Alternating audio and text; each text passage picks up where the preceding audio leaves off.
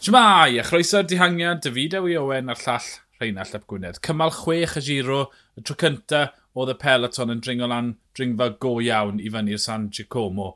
Digonedd yn digwydd ymysg y ffefrynnau am y Cris Pink, ond Rheinald, beth i ni am ddechrau gyda enllydd y cymal? Gino Meda o tîm bar Rhain Victorious, 24 awr ar ôl i werwynydd nhw gorfod adael y ras. O, oh, gwych, gwych. Am ffordd i ddod nôl o rhywbeth fel yna.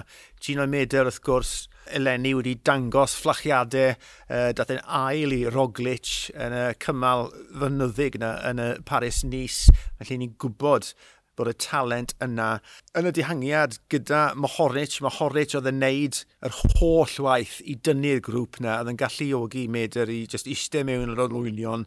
A nath y cynllun weitho. nath Mohoric adael fe Cataldo a Bawcymol yma fel triawd am fwyafrif y, y ddringfa. Ware teg, ond na ddigon o gydweithio, ond pan adawodd medr y ddau oedd e'n glir i weld, mae fe oedd y cryfa. Nath e just hedfan lan, a oedd e'n edrych mor llyfn. Uh, da was. Un cwestiwn bach arall i ti. Gino Meda oedd e mas yn y grŵp... Gymrodd y dihangiad am tipyn o amser i ffurfio. Wedyn nath grŵp o ryw bimp yn glir gyda Gino Meda a Matej Mohoric, a wedyn mi geisiodd mol yma bontio lan, ond mi weithiodd Mohoric i, i waghau coesau mol yma. Mi gymrodd ei 20 km yn rhywbeth felly i mol yma allu ymuno gyda'r dihangiad. Ti'n credu bod oedd hwnna'n ffactor enfawr yn, yn diffyg coesau mol yma?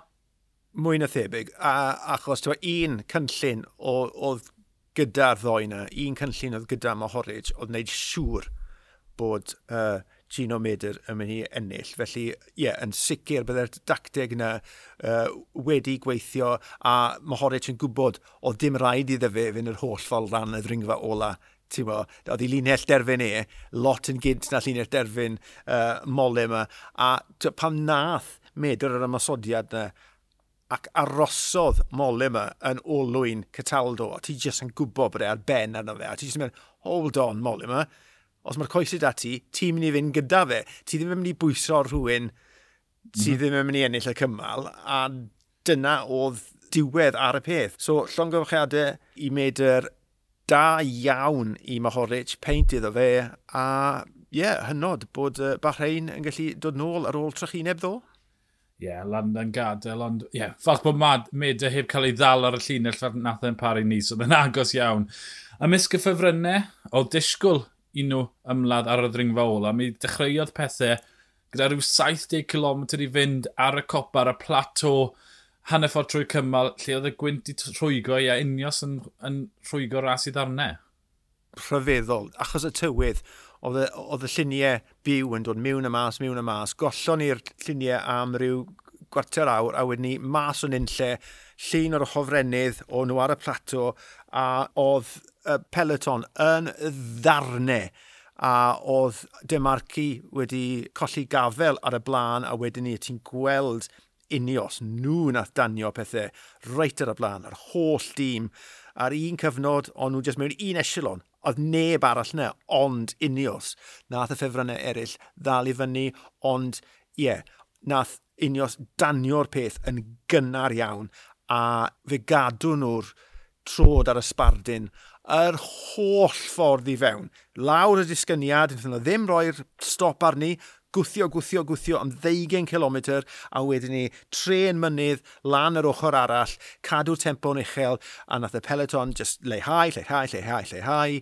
Pam dath dy cynnig i'r blaen, dim ond doi yw unios oedd ôl, dim ond Martinez a Bernal oedd yna, ond oedd carden arall gyda unios i wario. Martinez yn mynd lan yr hewl, gorfodi'r lleill i wneud y gwaith, banal yn cliste mewn, ond wedyn ni, banal yn seithi mas o'r grŵp. falle'n sylweddoli bod um, Martinez yn rhedeg mas o bwff, ond dyma fe'n dod lan efn y pôl ar yr olwyn, ti'n bo, Dan Martin, Cicone, oedd e'n neis gweld clatsiad arall er nad oedd na serthedd byddai wedi wneud garanti o glatiad, ond achos bod unios wedi bwrw hi'n galed, dyna o wedi rhoi'r cyfle i'r clatiad na ddigwydd ymhellach lan y ddringfa.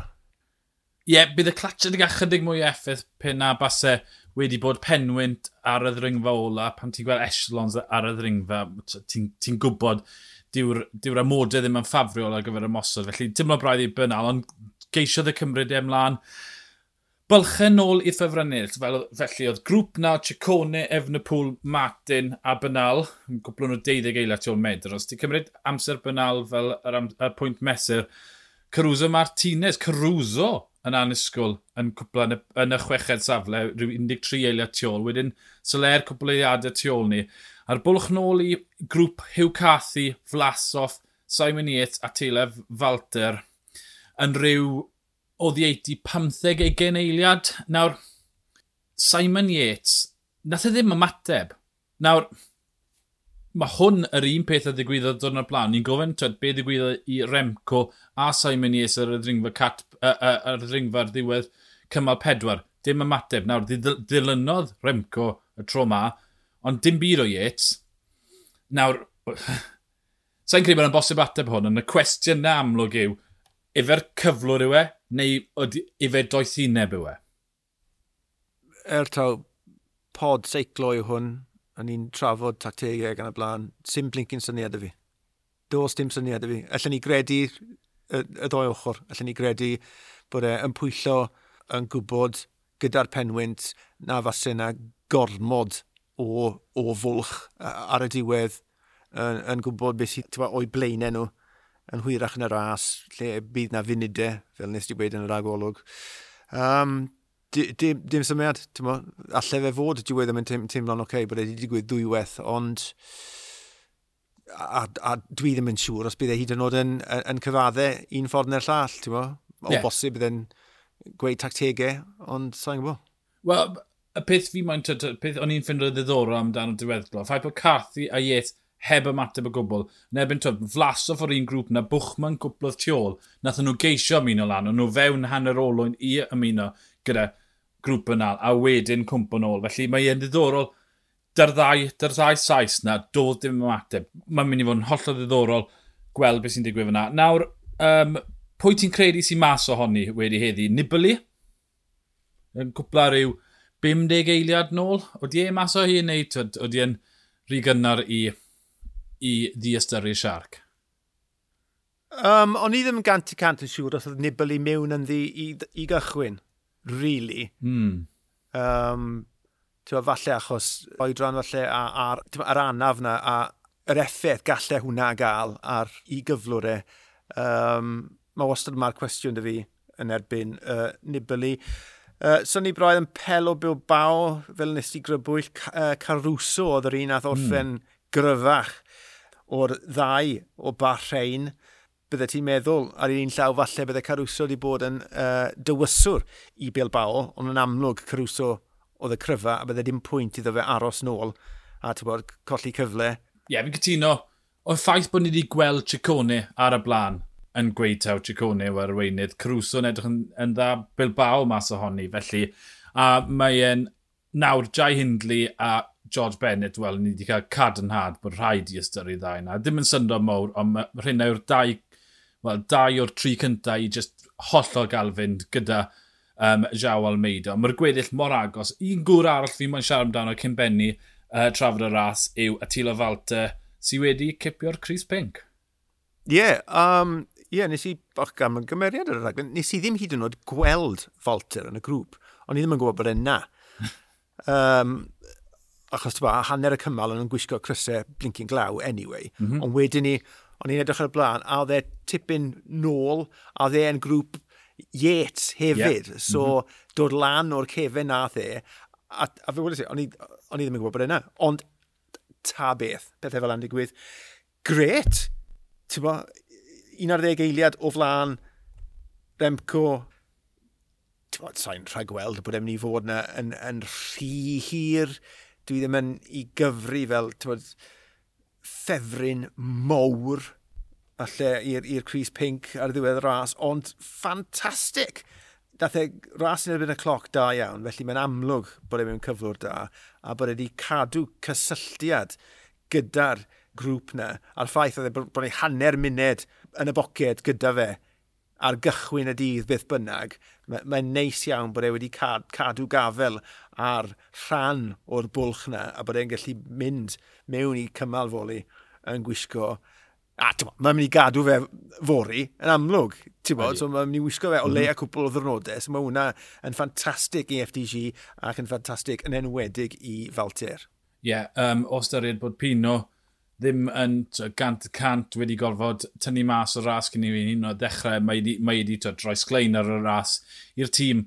Dig ucha, pawb o fewn rhyw 50 eiliad, a mae'n dechrau siap yna. Remco yn ail, Bernal yn drydydd, Flasoff, mae Fyrfac yn y canol, mae Cathy, Caruso, Ciccone, Dan Martin, Simon Nies. Bydde ddim syndod un o'r hynna sy'n mynd i ennill. Mae'n galed iawn edrych yn lot o fnach, falle i Soler yn 13 safle, ond ni'n barod wedi chwech diwrnod, a heb wir mynd i'n mynyddodd mawr, mae dynnu siap y ras yn barod. A dwi yn falch, yn dawel bach bod uh, fy rhi dywisiad, mae'r tri ohonyn nhw yn y deg ucha ar y foment. Beth oedd y tri, tri ydy? Yates, Bernal a Vlasov. O, neis. Nice. Sa'n cofio beth dywysys si? O'n i o dan dy res, oedd rhaid ni'n neud e, fel, tyd, Dim un o'r ddau ni'n hapus i wneud. Na, nes i weld e bost Rodri Gober yn gofyn i pob un o'n ni. Reit, fi eisiau fi eisiau tri chan. I'n oh my god! Ond ni ddim hyd yn oed yn cysidro wneud na. Yeah. Unrhyw bryd yn ystod y ras, felly ie, yeah, o'n i yn tymlo'r uh, pwysau mowr. o'n i'n tempted, hala, mae'r cwestiwn, mae'r cwestiwn, mae'r cwestiwn mewn. Ond, o, oh, Remco, wedyn Simon Yates a Hugh Cathy. Fel, ie, yeah, mae'n drin dal na, yn rhwydd allai fod unrhyw un o'r 8-9 un. Ni wedi'r rhestru. Mlaen i gymal saith, dim lot i weid. Mae yna rhyw ramp o 10% a rhyw 200 metr yn y, yn y 2 km ola'n gwyb, gwyb, gwyb, gwyb, gwyb, gwyb, gwyb. Gwyb, gwyb, gwyb, gwyb. gwyb, gwyb. Gwyb, gwyb, gwyb, gwyb, gwyb, gwyb, gwyb, gwyb, gwyb. Ond o fi Dewi Owen a'r llall Rhain Allaf Gwynedd, ni'r dihangiad, Hoyle.